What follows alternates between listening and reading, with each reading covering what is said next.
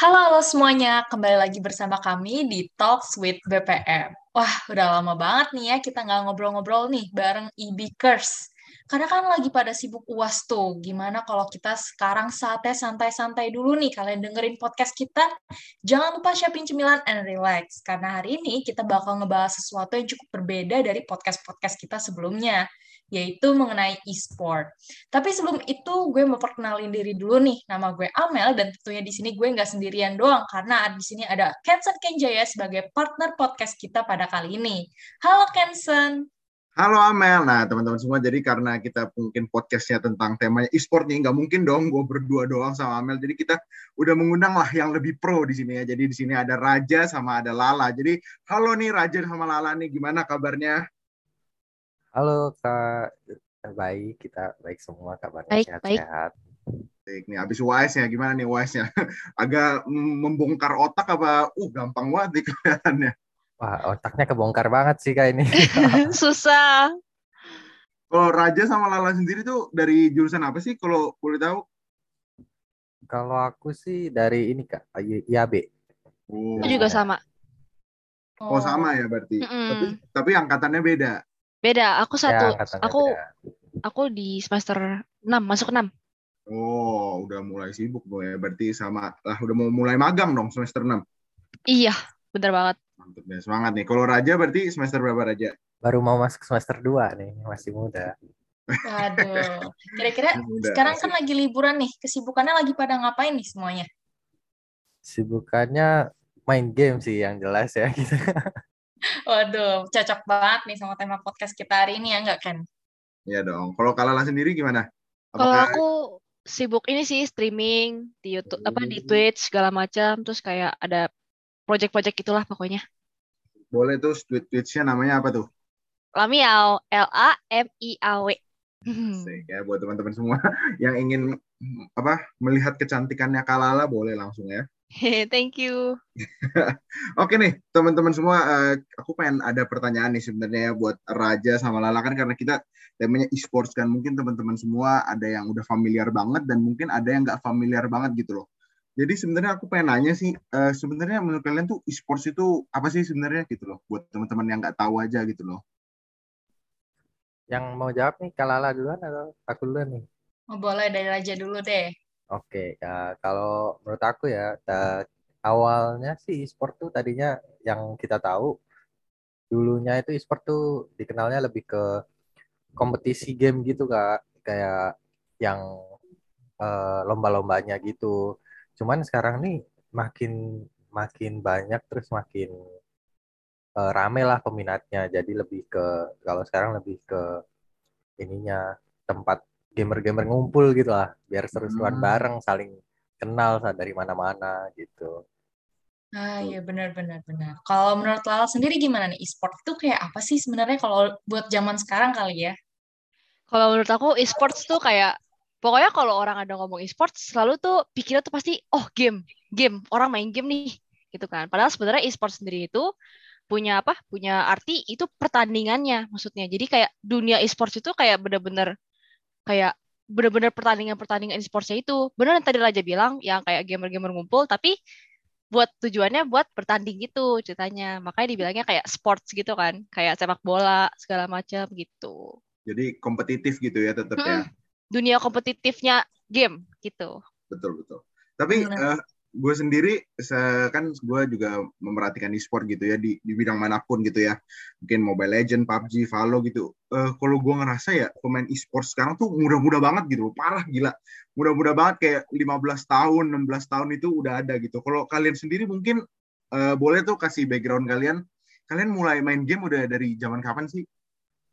Kalau Raja sendiri sih mulai game dari kita dari kecil lah ya, dari kecil kita memang suka udah suka main game, cuman eh, gamenya masih beda yang game konvensional, terus atau game yang eh, masih solo-solo yang sendiri-sendiri Mm-mm. gitu. Eh, terus mulai dari Plant vs Zombie yang dulu banget tuh sampai yang sekarang udah ada eh, Mobile Legend, MOBA-MOBA gitu. Terus ada Dota, ada tembak-tembakan dari Point Blank sampai Valo sekarang. Ya kira-kira udah dari kecil lah, dari kecil banget. Cuman intensnya sih kalau aku dari SMP. SMP tuh udah sering banget main Dota, main PB. Terus sekarang mainnya Valo sama ML. Kalau Kalala sendiri gimana? Baru main Aku sama. Sama. Oh enggak, aku sama dari kecil juga. Dari umur 12 juga udah main tuh sebenarnya dari kayak dari Hmm. Game Boy terus masih NDS, PSP gitu-gitu kan. Terus sampai akhirnya begitu masuk kuliah baru aku apa? Baru masuk kuliah aku baru tekunin. Terus yang kayak ikut lomba IL kemarin tuh yang wakilin Quick Yanggi. Iya. Nah, itu juga aku ikut di situ. Terus mulai dari situ makin makin apa? Makin serius diseriusin lagi gitu. Betul, betul. Oh, kira-kira dari semuanya itu kalian lebih suka main sendiri, solo, atau lebih suka player group gitu? Kalau dari aku enak main grup sih karena pasti lebih enak main sama teman soalnya. Lebih menantang juga kan. Mesti latih kompaknya juga, terus kayak mesti latih kreativitasnya juga, leadershipnya juga gitu. Oke, kalau daerah aja gimana nih? Sama sih Kak, lebih enak main grup. Tapi dulu, dulu banget tuh awalnya. Jadi ada cerita nih untuk main game yang solo atau yang eh, kelompok gitu ya, bareng-bareng sama temen gitu. Kalau solo tuh kita bisa ketemu orang baru gitu Kak. Aku pernah waktu main Dota, itu ketemu orang-orang dari luar negeri. Nah itu serunya di situ tuh. Kita bisa belajar bahasa Inggris juga, ngelatih apanya, segala macem. Terus Ngelatih mental sih bisa Ya benar, kita ketemu orang baru, mental baru, ngobrol baru, pakai bahasa lain kan, seru Ya. banget sih. Tapi emang paling seru, apalagi kalau kayak gitu udah kenal gitu. Jadi kita bisa ngelatih apa kompaknya, terus kita bisa eh, fokus buat menang atau mau kompetitif gitu. Betul betul. Soalnya kalau kalau main game gitu ya eh, dari gue sendiri juga merasa kalau main sendiri tuh kayak nggak ada motivasinya juga gitu loh. Kayak bosen gitu main sendiri gitu loh. Kalau gue Benar, benar, benar. kecuali eh, lu mungkin fokus banget latihan gitu kan gue ceritanya lu udah udah mungkin jadi pro player gitu ya lu latihan sendiri gitu ya. Maksudnya itu bukan main gitu loh itu latihan. Jadi kalau dalam otak gue gitu ya. Tapi kalau gue main gitu gue sendiri gua, bukannya heaven malah jatuhnya karena trigger juga gitu loh main game online. Iya, jadi stres sendiri. emosi lah ya. Emosi benar-benar. kalau main sendiri itu tapi kan kalau main sama temen udah jelas pokoknya have fun banget deh. Jadi mau di game apa pun sih gue kayak nggak ada itu sih. Mau game FPS MOBA segala macem gitu ya. Iya Iya, benar benar. Boleh banget dong ya, berarti kita nih bareng teman-teman di rumah, mungkin kita ke lain kali bisa mabar kali ya. Kabar bisa sih, apalagi buat Gas. anak-anak Quick Yanji ya, kita udah punya ininya apa namanya platform gitu buat mabar-mabar gitu, udah ada grupnya kita. Kalau Iya. mau ikut bisa langsung kontak aja di Instagramnya KKG Esport. Waduh, boleh langsung di follow ya teman-teman ya buat tetap stay tune nih. Nah, Nah, tapi iya, kalau- dari Raja sama Lala sendiri tuh gue penasaran kalian tuh mendalami e-sport tuh di game apa sih Coba kalau dulu deh, kalau lah. Oh, baiklah. Berarti aku waktu pertama kali fokus ini tuh aku main Dota, tapi itu cuma kayak sama teman-teman doang. Nah, begitu masuk kuliah, aku mulai ikut tim apa? Tim pro player Valorant, kayak bikin tim sendiri, terus kalau nggak di ditarik sama tim lain, terus ditarik lagi sama tim lain kayak pindah-pindah gitu. Nah, pas lagi itu aku Valorant. Terus yang pas IL itu aku masuknya ke Dota. Nah, untuk sekarang aku kalau buat stream-stream kayak gini terus diundang-undang jadi kayak guest star guest star gitu di Apex sih. Apex Legends. oh wih banyak banget gitu ya Iya. Bidangnya Keren banget. Iya. banyak banget bidangnya bahkan bukan sesama segenre gitu ya MOBA FPS MOBA FPS gitu kalau dari Eh. Raja sendiri gimana Raja Kalau aku udah ganti-ganti sih, ada masanya. Dulu Dota, terus sekarang eh, udah di Valo sama MOBA. Sekarang FPS-nya Valorant, MOBA-nya Mobile Legend.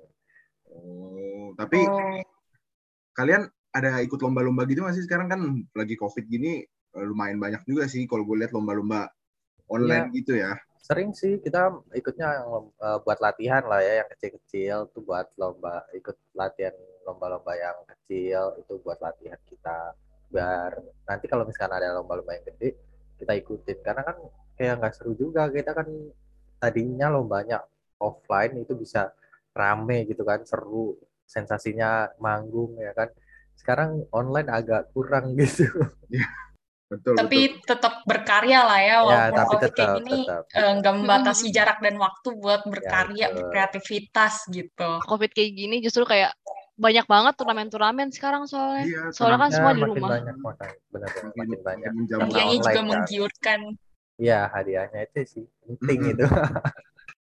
Oke, tapi kalian kan sebagai gamer yang berpengalaman pernah nggak sih kayak ngerasa emosi gitu kalau misalkan sesama grup ini sesama kelompok kita sendiri tuh kayak kadang suka ada yang lelet, ada yang lemot gitu, ada yang suka nggak connect dan malah jadi kayak turun rank gitu kalau misalkan lagi main game. Pernah nggak tuh? Waduh, pernah banget sih. Cuma, Kayaknya uh, tiap kayak- hari ya. Iya betul betul. Tiap Apalagi hari kayaknya. Kalau kita sama tim itu ya mungkin masih bisa dimaklumin. Apalagi tapi kalau udah sama publik tuh yang kayak orang yang baru kita nggak kenal, udah gitu lemot nggak bisa main. Aduh, itu udah bawaannya emosi terus. Apalagi kita lagi having a bad day gitu kan, lagi Iya. bad mood, lagi jelek moodnya. Main kalah mulu, aduh itu udah bikin emosi banget. Tapi enaknya kalau main sama temen, kita bisa kayak wah iya lu gimana sih aduh bisa ngelawak-lawak sedikit lah nggak nggak gitu-gitu stres Betul betul betul. Ya emang itu enaknya main sama temen ya. Kalau ketemu publik Iya, sih benar. susah sih. Apalagi, aduh, kalau gue dari pengalaman gue sendiri sih main Dota sih, kalau main publik itu nggak mungkin nggak toxic sih itu komunitinya. wah sudah jelas Iya. toxic banget itu dari zamannya saya SMP aja masih terkenalnya Pino itu dulu nih Parah sih kalau kalau main game online ya emang gitu ya orang kan banyak banget gitu. ya benar orangnya banyak Masalahnya yang sebenarnya yang lucu juga tuh mereka tuh toksiknya nggak pakai bahasa yang kita ngerti gitu loh. iya kita nggak ngerti dia Iya. toxic atau enggak Nah, Aneh berarti banget mesti gitu ya. kuat-kuatin mental lah ya kalau misalkan sebelum mulai masuk nih ke e-sport nih mesti kayak ne- modal nekat juga nggak sih buat Bener Nah, banget. benar-benar apalagi kalau misalkan Bener. kita baru nyoba gamenya gitu kita nggak ngerti apa-apa kita harus siap mental sih Tapi kalau Iya. Kalau menurut kalian sendiri nih di dunia e-sport tuh keras nggak sih sebenarnya persaingannya atau mungkin mungkin karena masih baru jadi gampang aja gitu buat kita tembus turnamen-turnamen gede. Sebenarnya tergantung kalau sekarang ya, sekarang ini udah mulai banyak nih e-sport e-sport lain juga. Terus udah jangankan e-sport yang seberupa komunitas ya, kita bisa lihat tuh banyak orang yang solo iseng aja di rumah. Sekarang tuh udah pada jago-jago banget gitu. Jadi ya asalkan kita tekun gitu kan, udah pastilah kita bisa dapet inilah turnamen-turnamen besar lah. Betul betul betul. Tapi kalau Kalala sendiri mungkin Kalala ada tips and triknya gimana kita biar kita jadi semangat gitu tekun kita main gamenya rajin dan jago gitu loh kak. eh tips and trick ya. Pokoknya yang penting eh, lakuinnya semuanya pasti dengan bimbingan Tuhan dulu. Terus kalau misalnya memang benar-benar kamu suka, kamu nih apa, kamu demen, hobi, itu sekalian diniatin aja. Soalnya kan kerja di hobi kan enak ya. Jadi kita kalau misalnya sambil main game terus memang hobi kan jadi kayak wah seru banget nih, seru banget nih. Nah, tuh bisa tuh sekarang kan banyak banget platform-platformnya kan. Terus banyak banget tim-tim sekarang tuh yang lagi pada pengen bikin tim terus nyari orang. Nah, itu tuh benar-benar kesempatan buat kalian di situ tuh. Jadi ke- berkembangnya nggak sendiri, berkembangnya sama teman-teman. Jadi kan seru Iya betul. gitu. Namanya sama teman-teman jadinya motiv terlebih termotivasi juga nggak sih, iya kan? Betul. Jadi kalau sendiri tuh kayak gampang berhenti gitu. Iya bener banget, bosen juga lama-lama. Nah, ya main game kayak nggak usah turnamen gitu ya, mau main aja kadang-kadang males gitu loh kalau sendiri kan. Jadi kalau rame-rame, weh, ayo gas, gas, gas. Ya benar-benar. Kalau strategi dari Raja sendiri gimana nih? Strategi apa tuh? Strategi buat menang dong pastinya, Oh, walaupun buat maupun menang. itu solo atau grup gitu kan. Oke, kalau misalkan sendiri ya, kalau sendiri sebenarnya mau solo atau mau bareng sama temen, strategi buat menang itu pertama komunikasi sih. Kita harus lebih peka nih. Misalkan kalau MOBA ya, kita harus tahu misalkan lane yang ini, lane yang itu, gimana musuhnya di mana, kita harus kasih tahu ke timnya. Terus kalau FPS pun juga sama, kita harus komunikasi sama mau itu solo mau itu rame-rame ya sama temen. Komunikasi itu paling penting biar kita bisa menang itu komunikasi sih kuncinya. Jadi kalau misalkan solo nggak apa-apa. Kita pede aja ngomong. Bahasa Inggrisnya masih jelek kalau ketemu orang luar yang penting gampang di ngerti deh. Dia Oh langsung iya ini benar. yang penting kita bisa menang kan. Gitu aja tipsnya. Yang Oke, dan- penting bisa bisa ngomong go sama retreat gitu ya. ya doa maju. Nah, Iya. ya betul Asal mekanik mah atur sendiri. Iya ya bener. mekanik mah dilatih sendiri mah bisa Iya. Eh Dan- tapi kalau ya Kenzo? Amel dulu dah, Amel dulu. Boleh. Oke, kira-kira kal aku penasaran nih, pernah nggak sih kalian tuh kan orang pastinya kalian di depan HP, di depan laptop terus. Pernah nggak sih orang tua atau pacar kalian mungkin kayak ngomel nih, aduh balas balas chatnya lama banget atau kalau nggak disuruh tapi gamenya nggak bisa di pause nanggung gitu gimana Wah, tuh? itu sering banget sih. Apalagi dulu kan zamannya kita game itu belum terkenal sekarang. Itu wah kita mau ke warnet aja itu diomelin eh, sampai harus sembunyi-sembunyi dikejar-kejar sama orang tua. betul itu betul tak ya benar. Kalau cuman kalau sekarang kita eh, kuncinya sama kayak kita kalau mau main game tadi ya kalau mau menang komunikasi kita komunikasiin sama orang tua kita apalagi kita kan sekarang udah eh, beranjak eh, dewasa lah ya kita bisa ngobrol sama orang tua kayak kasih tahu mah aku mau ini nih mau main. Gamenya nggak bisa di pause gitu. Nanti kalau misalkan mau butuh bantuan eh, aku bantuin habis game ini ya selesai gitu. Sekarang sih lebih kayak gitu terus kalau sama pacar kebetulan pacar ini main game juga jadi kita bisa main game bareng seru gitu nggak ada masalah sih Tapi kalau Kak Lala sendiri mungkin ada kayak pengalaman gitu, ada mungkin apa pernah berantem sama cowoknya gara-gara lagi main Dota gitu kan? Oh, kalau berantem sih sama cowok sih eh, enggak ya, soalnya kan cowoknya juga main ya, ikut main Iya. cowoknya ya.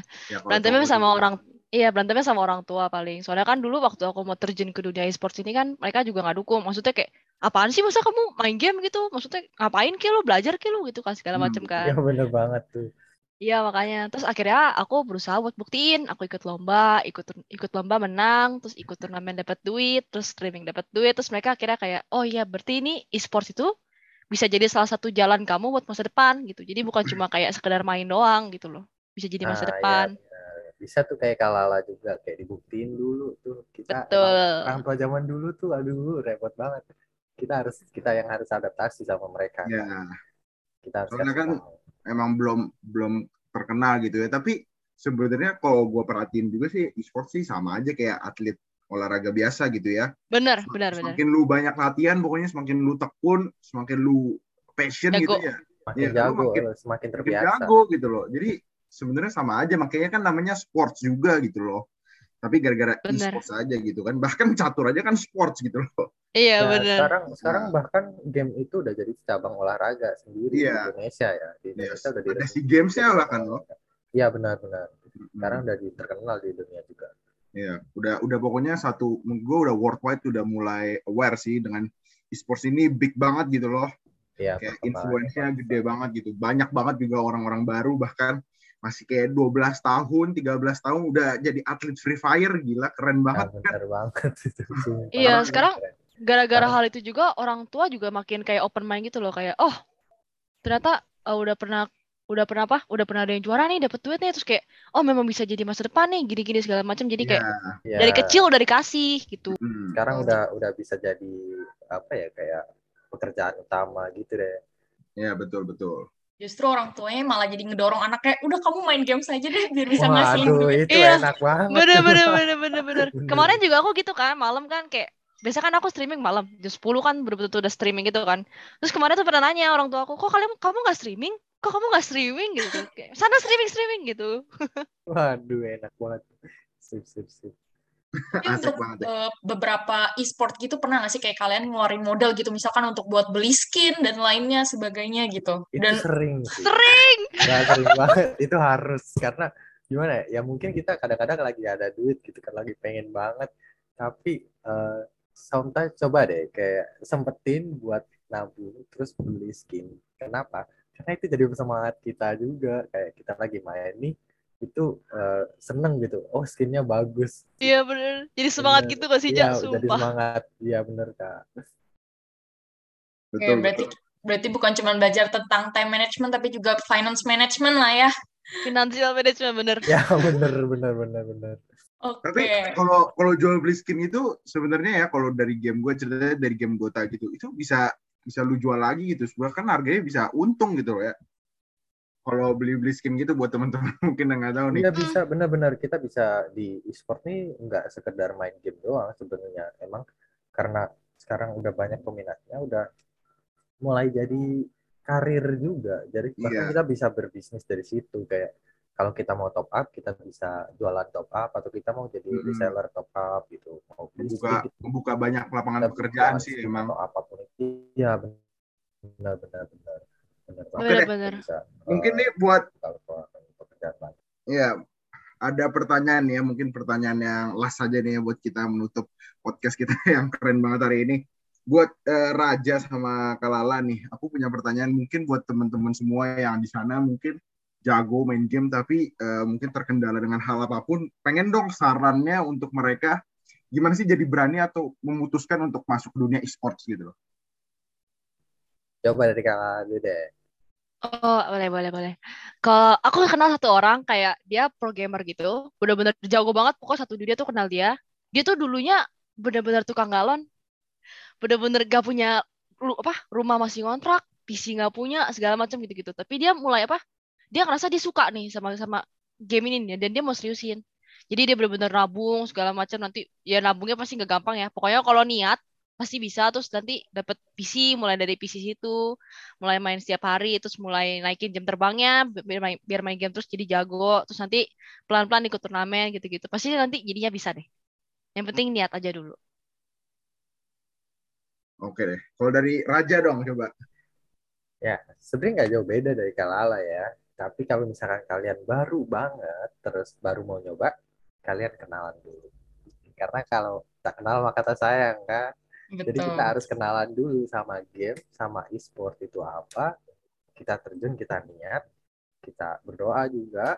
Udah pasti kita kasih jalan deh sama yang maha kuasa. Asik deh. Oke, asik banget dong, mantul nih. Dan thank you banget nih buat Kalala dan juga Raja yang udah mengisi Sama-sama. sebagai narasumber di podcast kita kali ini dan dan gue Amel mau eh, sedikit menyimpulkan lah ya mengenai e-sport pandangan eh, teman-teman mengenai e-sport jangan dipandang negatif gitu. Karena setiap eh, hal yang kita lakukan juga ada hal positifnya juga. Dari e-sport kita bisa ambil sisi pos- positif. Kita bisa dapat teman baru bisa dapat pengalaman baru. Seperti yang tadi Kak Raja seperti yang Raja bilang tadi kalau misalkan kita harus belajar komunikasi juga, terus juga uh, kalau juga sempat bilang kita harus belajar time management dan juga finance management juga nih ya sekalian ya. Oke, dan dari Kenson sendiri gimana nih? Kalau dari gue sendiri sih, ya kita mungkin buat teman-teman semua tadi udah denger dari kata-katanya Kalala sama Kak Raja juga ya, seorang tukang galon aja eh, bisa gitu loh jadi orang terhebat bahkan di dunia e-sport. Jadi Betul. buat kalian semua yang mungkin punya suatu passion itu namanya passion kan udah gue bilang dari awal bahwa e-sport ini sebenarnya kayak sports biasa aja gitu loh. Cuman namanya i doang tapi karena banyak orang yang kurang wawasan jadi menganggapnya konotatifnya jelek gitu ya. Tapi sebenarnya kalau menurut gue kalau lu namanya passion lu kejar lu pasti sukses lah dalam satu bidang. Jadi buat teman-teman semua ya udahlah pokoknya kalau kalian merasa kalian jago oh ini tempat gua ya lu masukin aja gitu dan buat teman-teman semua yang udah nge- ngedengerin kita dari awal sampai akhir, gue ucapkan terima kasih dan juga buat Raja sama Kalala, gue ucapkan terima kasih. Buat jangan lupa follow Twitch-nya Kalala, jangan lupa follow eh, Instagramnya BPM underscore KSB, juga jangan lupa follow Spotify ini di Talks with BPM. Jadi buat teman-teman semua yang udah ada di sini sampai awal dari tadi sampai akhir sekarang, gue ucapin terima kasih. Thank you Makasih. semuanya. Terima Dadah. kasih.